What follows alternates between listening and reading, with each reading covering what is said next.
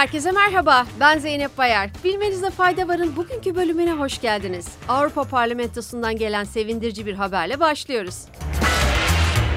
Avrupa Parlamentosu milletvekilleri Schengen vizesi başvurularının dijital ortamda yapılabilmesine yönelik raporu kabul etti.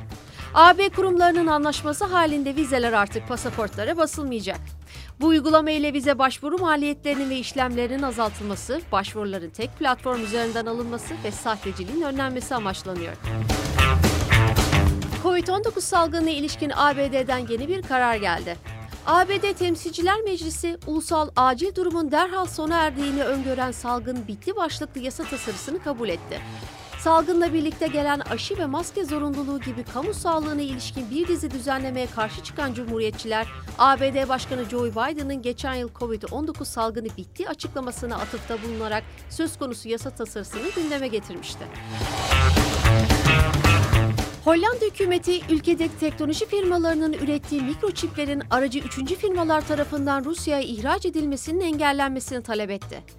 NOS'ta yer alan haberde Hollandalı teknoloji şirketleri NXP ve Nexperia'ya ait mikroçiplerin Çinli firmalar tarafından ihraç edilerek Rus silah şirketlerine satıldığı iddia edildi.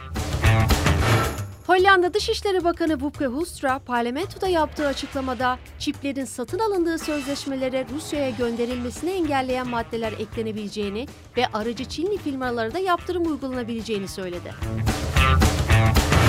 İşten çıkarma kararına bir teknoloji şirketi daha eklendi.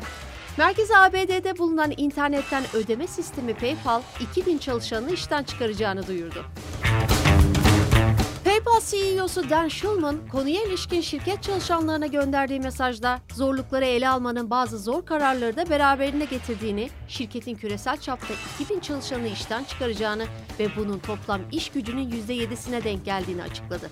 Schulman ayrıca söz konusu işten çıkarmaların gelecek haftalarda gerçekleşeceğini söyledi. Son haberimiz teknoloji meraklarına gelsin. Instagram'ın kurucuları Kevin Systrom ve Mike Krieger şirketten ayrıldıktan 4 yıldan fazla bir süre sonra yeni bir uygulamayla geri döndü.